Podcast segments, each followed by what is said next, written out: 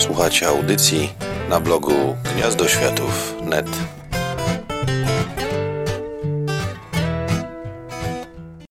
Trochę trwało, albo miałem różne inne rzeczy do roboty, ale w końcu się wziąłem za Mruwańcze Mielnikowa, czyli najnowszą odsłonę Uniwersum Metro 2033 w Polsce.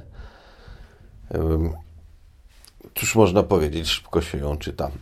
Jest to ewidentnie. E, należy do tego nurtu e, takiego bardziej stawiającego na akcję, ponieważ e, jeżeli ktoś przeczytał całe dostępne w Polsce uniwersum, to zwrócił uwagę, że można z grubsza, z grubsza oczywiście książki podzielić na dwa typy. Takie, które gdzieś stawiają na rozbudowany świat, na kolejne wydarzenia, historię, na rozpracowywanie tego wszystkiego, bądź e, na bardziej powiedzmy gdzieś tam dylematy moralne, zastanawianie się nad kondycją społeczeństw, człowieka, czegoś. No i oczywiście tutaj pierwsza książka Głuchowskiego, e, która jest prekursorem, jeśli chodzi o dużą, rozbudowaną, skomplikowaną historię, to Peter Wroczka, a z rzeczy takich bardziej zajmujących się powiedzmy mm, socjologią tego postapokaliptycznego świata, no to w mrok Diakowa.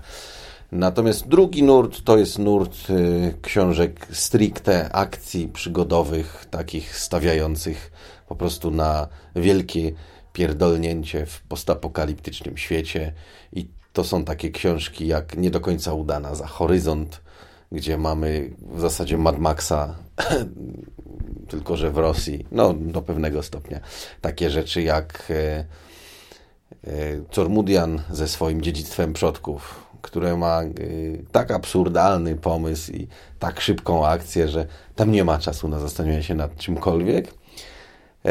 I tak samo jest właśnie z Mrówańczą Mielnikowa. W odróżnieniu od poprzedniej książki z uniwersum, czyli, czyli polskiej dzielnicy obiecanej Pawła Majki, gdzie historia gdzieś tam była budowana stopniowo, yy, to wszystko się układało w pewną całość, pewne wątki się zbiegały. Też był motyw wędrówki, ale to trwało dłużej. No, Mielnikow postawił raczej na krótką historię, jak smagnięcie batem. Jest bohater, nagle pojawia się zagrożenie.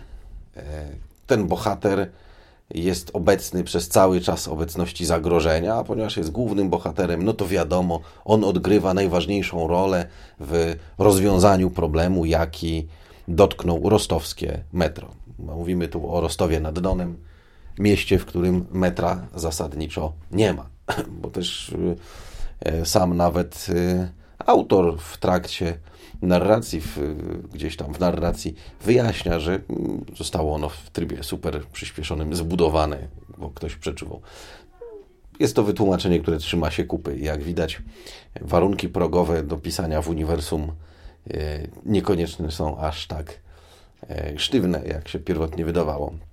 Czy to jest dobra książka? No na tle e, pozostałych do tej pory wydanych książek nie odstaje. E, to jest wszystko kwestia tego, czego ludzie oczekują. Na przykład Korzenie Niebios zbierają skrajne recenzje od bardzo dobrych, ponieważ jest to nieźle napisana książka e, z ciekawym motywem. No kilka rzeczy gdzieś tam mi oczywiście nie podobało się.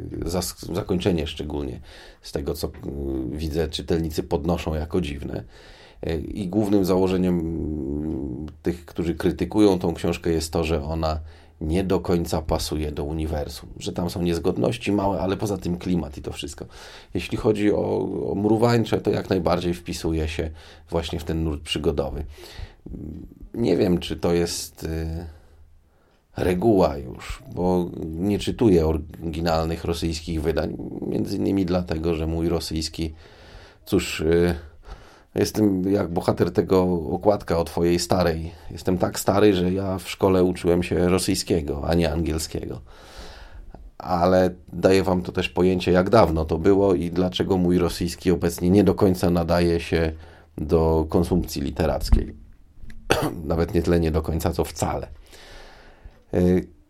Jak najbardziej poprawny bohater, chociaż troszkę w typie Rambo i wszystkie przygody, które przeżywa, to jest właśnie taka jedna wielka nawalanka. Zwłaszcza, że akcja książki y, trwa stosunkowo krótko, rozgrywa się nie wiem, czy nawet do końca w ciągu kilku dni. no maksymalnie.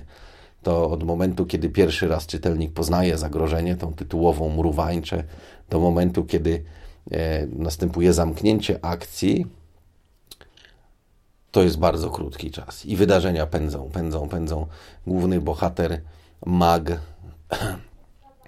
jest obecny praktycznie od początku. Parę rzeczy, których nie wie, to gdzieś tam autor dostarcza mu na zasadzie plotek informacji przekazywanych przez innych zwiadowców, przez innych stalkerów. Czy miałbym jakieś zastrzeżenia? No, jeżeli lubicie książki przygodowe i, i takie sensacyjniaki, jeżeli podobało Wam się Dziedzictwo Przodków na przykład, albo Diakow, y, szczególnie pierwszy, gdzie jednak stawiany jest, y, gdzieś tam akcja stawiana jest w tej książce na pierwszym miejscu, to jak najbardziej Wam się spodoba. Jeżeli szukacie, tak jak część y, użytkowników forum uniwersum, jakichś głębszych przesłań klimatu, mroku, bądź jakichś takich rzeczy. Są ludzie, którzy tego w tych książkach szukają, no to się zawiedziecie, ponieważ tego nie ma. Mm, jedynym takim jakimś e, chwilą zamyślenia nad ludzką kondycją jest to, że nikt nikomu w obliczu zagrożenia nie chce pomagać. Ale nie jest to konstatacja ani szczególnie świeża, ani szczególnie odkrywcza, bo niepotrzebna jest nikomu postapokalipsa do tego, żeby e, wiedzieć, że tak właśnie jest, bo tak jest teraz i u nas również. E, ewidentnie jest to książka, która raczej gdzieś tam przemówi do takiego człowieka jak ja, który uniwersum czyta od dawna, który po prostu w miarę jak wychodzą książki, to sięga po kolejnej. Nie poleciłbym jej jako pierwszą książkę do przeczytania z serii, dlatego że może dać fałszywy obraz tego, ponieważ jednak książki wychodzące w uniwersum są bardzo różnorodne. To jest naturalne, ponieważ pisze ich wielu różnych autorów e, i różnią się stylem, różnią się pomysłami, różnią się wieloma innymi rzeczami, a także właśnie tym. E, Mielnikow ewidentnie należy do nurtu szybkiej akcji przygody, do nurtu sensacyjnego. Jeżeli chcielibyście poczytać bardziej rozbudowaną historię, to możecie sięgnąć po Pawła Majkę i po jego dzielnicę obiecaną, która e, dłużej się rozkręca i, i ma więcej do zaoferowania pod względem wydarzeń, po Petera na przykład, albo po e, te korzenie niebios, na które generalnie rzecz biorąc większość jednak narzeka. Ja zresztą miałem na ich temat swoje uwagi E, o czym zresztą mówię parokrotnie w poprzednich podcastach na temat serii. A Mielnikowa polecam.